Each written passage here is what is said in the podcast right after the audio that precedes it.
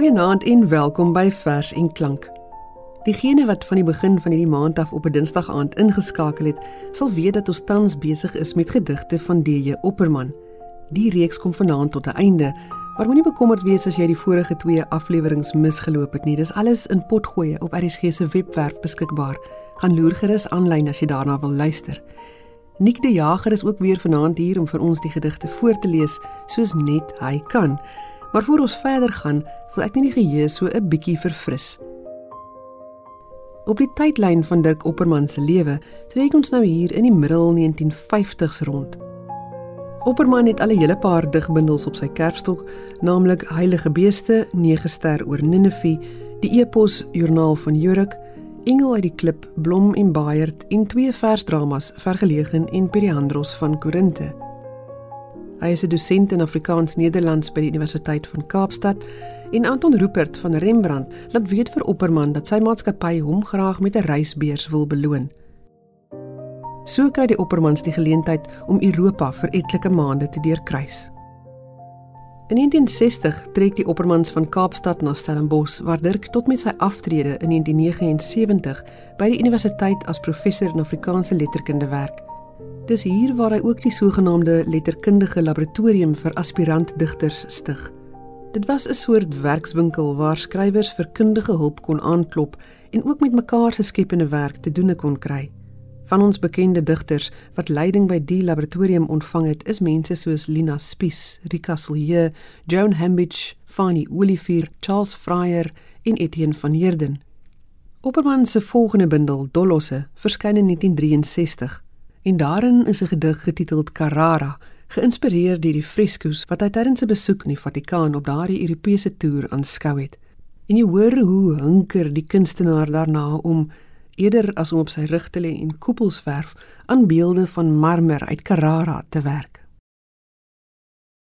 Verdedig hierdie dooie skilderye in my naam, want oor die geskilder moet ek my skaam. Michelangelo oor die Sixtynse kapel. Uit bout en skouers bot lang steiers, want Julius 2 gebied, jy mag volstrek geen beelde kap, maar moet met skilderye die koepel van my klein kapel oordek.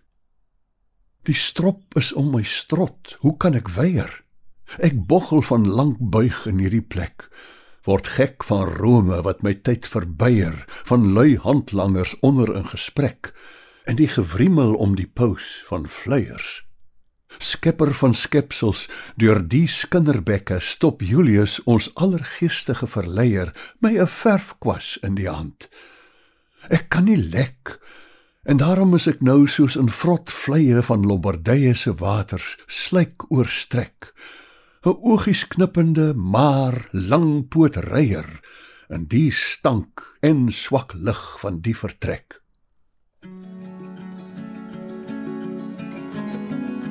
Ek skilder, maar die kranse van Carrara lok waar ek op beswete skimmel vir sy praalgraf klippe kies. Ek weet hoog in die berg se nok hang daar 'n vlermuis wat hom moet loshak in draaiings van die digste marmerblokke moet 'n ram se horings uit die klip ontsnap.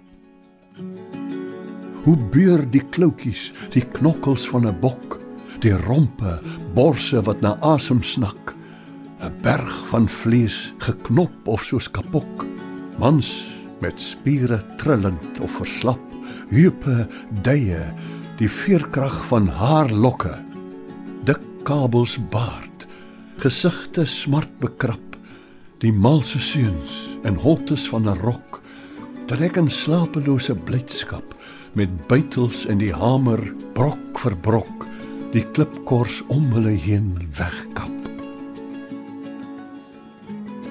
Skepper van skeppers soek hulle my gebrek om met geskinder my skilderye te bespot. Lei u die kwas dan dat ek as argitek en beeldhouer hul flous en uit die grot van chaos die grootste praalgraf skep waar u teen die solder van die hemel God as oerkrag met net die vinger uitgestrek die aarde plante sterre Adam tot die sondeval profete uit Carrara wek. Hastige kwaste besprinkel uit palet en pot my maag en bors, my hol gesig en nek. My rug en boude eelt word skub en knop. Ek buig my om in bogte, oor dwars trek ek my oop. My hande, voete, seeningrige strot rek en roer. 'n Omgedopte bergskilpad ek wat krabbel krabbel.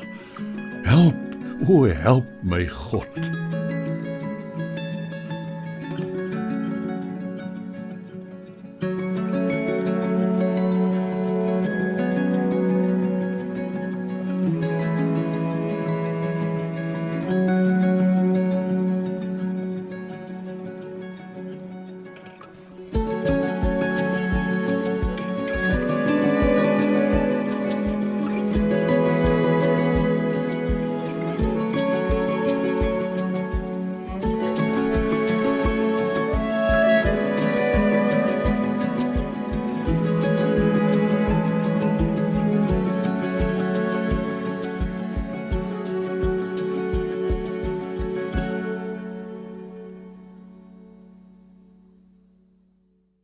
Volgende jaar in 1964 verskyn daar nog 'n digbundel, Kunsmis.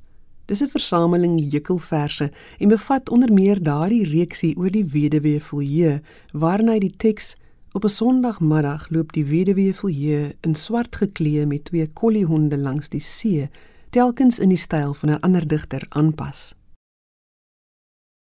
Met apologie.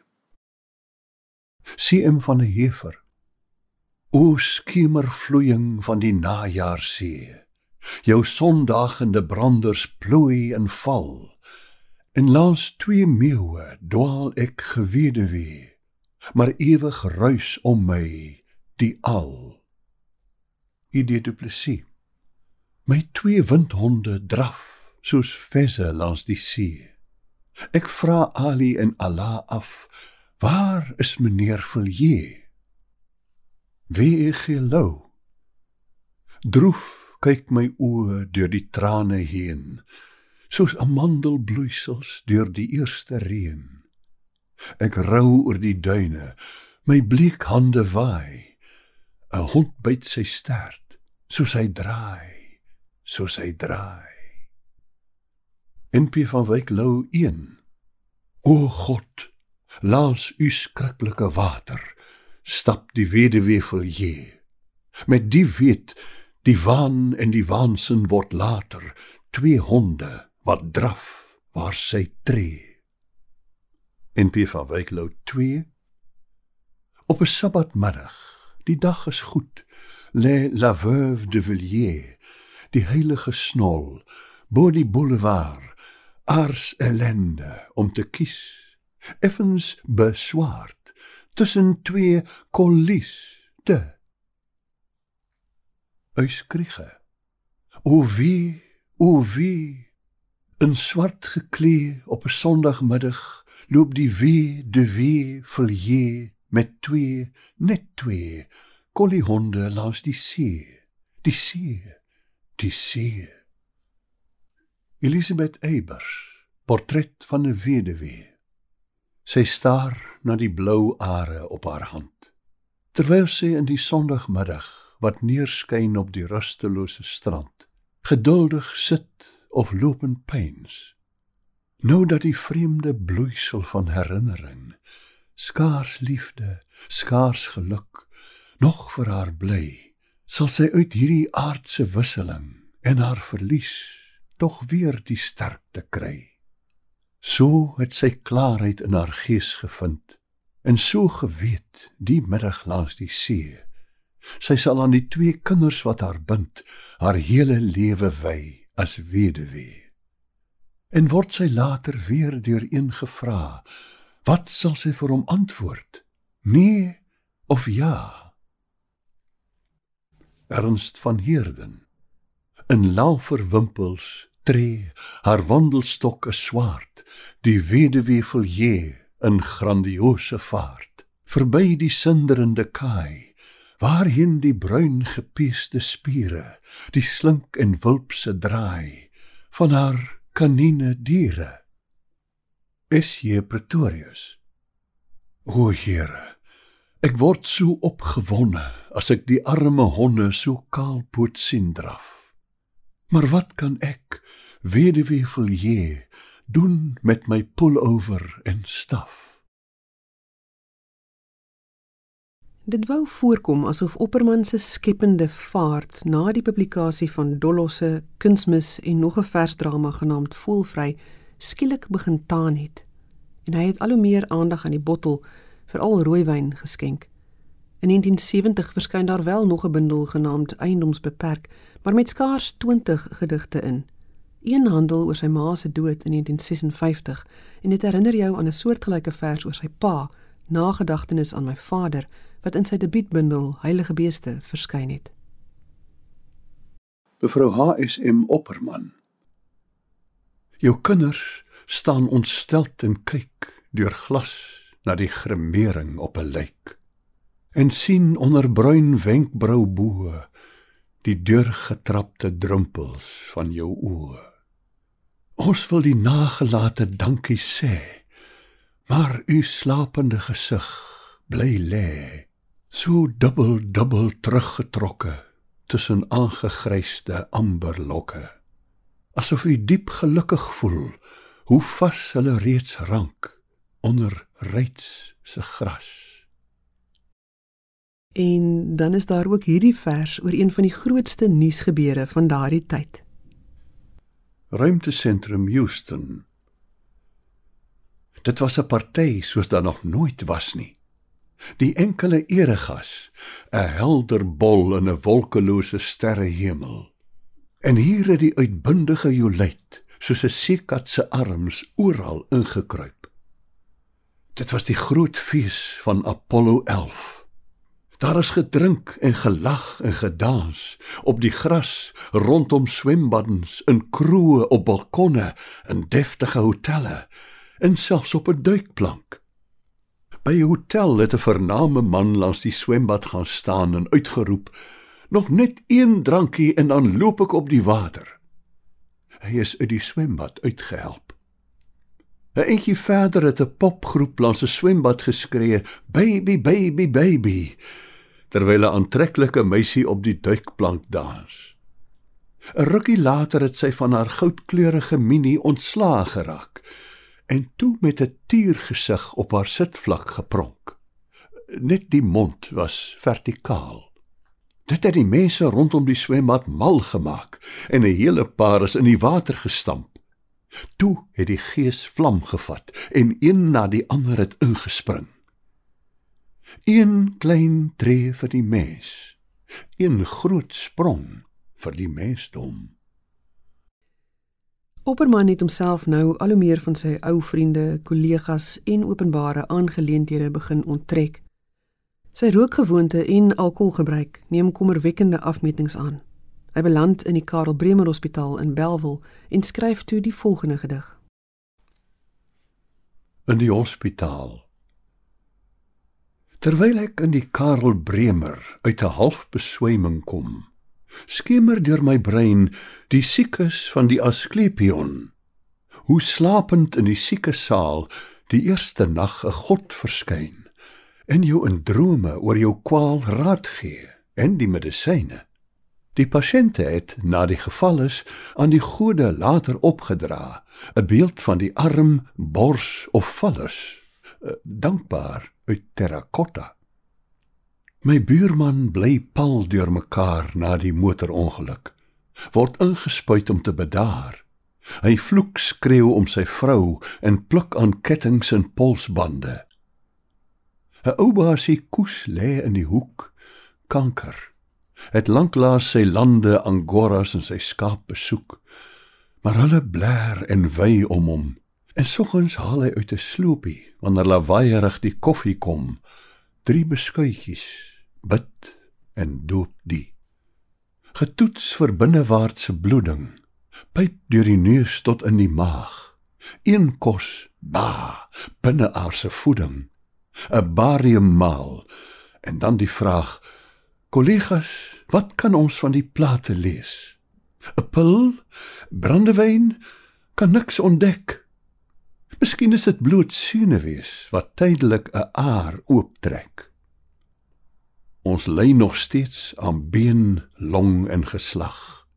Maar van die kwale wat jou pla, die nagmerries, hoe maak 'n mens vandag 'n beeld uit terrakotta? Teen 1975 het Opperman reeds 'n ernstige leweraandoening gehad. Daardie volgende Januarie word hy met geelsig en akute lewerversaking in die Tygerberg Hospitaal opgeneem. 'n Paar dae later was hy in 'n koma. Die hele land het asem opgehou vir sy herstel, maar heimlik die ergste gevrees.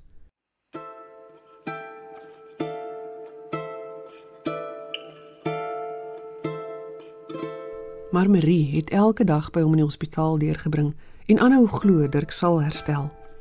Sy het sy dokters versoek om hom oor te plaas na Stellenbosch Hospitaal sodat hy nader in die huis kon wees en sy ook beter vir hom kon sorg. In Maart 1976 maak hulle toe so.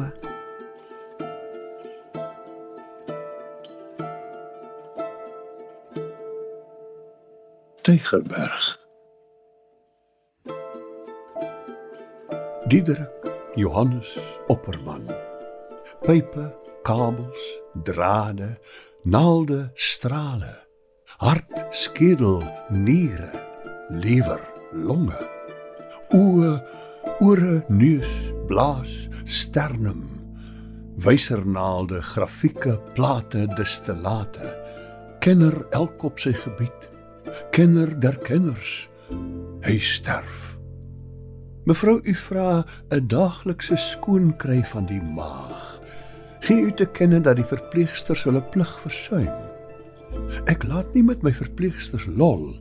U het 'n 20 jaar u plig versuim deur om nie los te kry van alkohol. U vra dat ek die inname van proteïene kontroleer. U sê hy moet meer vitamiene en vloeistof kry. Ag, wil u vir my my werk kom leer? Vat hom dan hier weg en kyk of jy en jou dokter hom kan genees.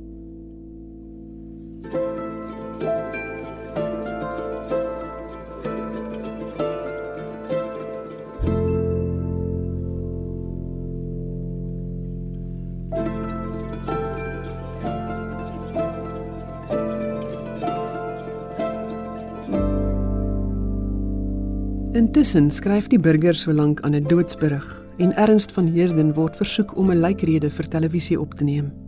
Opperman se toestand is bedenklik. Hy kom soms by, maar is dan baie gedisoriënteer, net om weer terug te sink in 'n koma. Die dokters behandel hom met hoë dosisse vitamiene om te probeer verhoed dat sy liggaam heeltemal ineenstort. Na maande het sy toestand gaandeweg begin verbeter en in Augustus is hy huis toe waar sy vrou en dogters hom verder versorg het. Daar was geheueverlies en hy moes van voor af leer loop, leer skryf. Maar mettertyd het hy 'n nuwe geesdrif vir die lewe gevind en in sy eie woorde daardie geheimsinnige bekoring van elke ding net soos wat hy is raak gesien. Jy wil nie eens 'n dieper betekenis agter cinema 'n japonika soek nie, het Dirk gesê.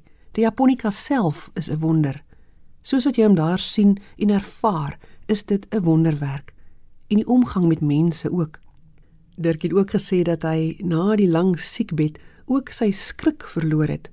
'n Man kan jy nou nie maklik sommer omkrap nie. In 1979 verskyn 'n nuwe bundel, Komas uit 'n bamboestok, vol persoonlike vertellings van Opperman se herlewingsproses. Die bundel is sommer gou in sy tweede druk toe sy derde druk en op die ou ene verkoop nagenoeg 8500 kopieë, 'n ongelooflike afset vir 'n Afrikaanse digbundel in so 'n kort tydjie. Dit word met al die belangrike literêre toekenninge bekroon: die CNA-prys, die Louis Luit-prys, die W.A. Hofmeyer-prys en die Hertzogprys teen hierdie tyd Opperman se 4de. Een van die etlike gedigte oor sy wonderbaarlike herstel, het die titel My vrou, die koop 'n bobbejaan. Sy bou vir hom 'n spesiale bad waarin hy self kan kruip, kan skree en speel en spat en lagend die toilet gebruik. Sy leer hom aan 'n tafel sit om nie die kos te gryp maar eers oogies toe en bid en dan mes en vurk gebruik. Sy leer hom aan haar arm stap en aan die blomme snuif en kyk en ook die mans beleefde groet en nie hul kale ane ruik. Opperman se voorspoed kon egter nie vir altyd duur nie. In Augustus 1980 is hy reeds aanskryf aan sy nuwe bundel Sonklong oor Afrika wanneer hy 'n ligte beroerte kry. Dit bring hom egter nie heeltemal van stryk nie en hy wen sy prysgeld aan om vroeg in 1981 Malawi toe te reis. Met sy terugkeer het hy 'n nuwe kreatiewe drif ervaar. Op 'n oggend in Junie het hy nog vir Marie gesê: "Daar is nou geen einde aan hierdie nuwe bundel nie. Alles borrel uit." Maar enkele ure later het hy weer 'n beroerte gehad. Na 'n maand in die hospitaal wat hy weer in 'n koma was, kon Dirk toe huis toe gaan. Weereens was Marie oorgehaal om hom te versorg. Sy het tot 'n verhitte swembad laat bou waar sy hom met oefeninge kon help. Maar die keer was die breinskade permanent. Op Sondagoggend 22 September 1985 is DJ Opperman oorlede. In 'n hoofartikel op 23 September huldig die burger hom as digter, dramaturg, kritikus, literêre teoretikus en opvoedkundige. Die berig lui soos volg: Hulle wat bevoorreg was om hom as mens te ken, kan vandag getuig van sy onwrikbare eerlikheid, sy fyn menslike humorsin, diep mensekennis en sy drang om meer te weet van elke onderwerp wat onder sy aandag gekom het. Ons is dankbaar en trots daarop dat so 'n man onder ons geleef het. In die Afrikaanse digkuns was daar nog nooit weer iemand soos hy nie. Sy invloed en leiding en inspirasie leef gelukkig in so baie ander digters voort. Voor ek Anik oorgee om vir ons se laaste gedig te lees, deel ek graag 'n direkte aanhaling van die digter uit 'n onderhoud enkele maande voor sy dood. Elke keer wanneer jy skryf, begin jy voor met 'n tabula rasa, het Dirk Opperman gesê. En jy moet jou wêreld opbou. Jy het dan ook die behoefte om dinge te noem, want dit word dan jou besit, jou eiendom. Dis amper 'n soort oerelement. Jy moet noem, dan besweer jy. Op dië manier ontdek jy jouself, die wêreld om jou, maar te gelykertyd in jou ook. Op die ou eind is die digwerk 'n opnoem, 'n katalogus, 'n numerasie eintlik van die hele skepping.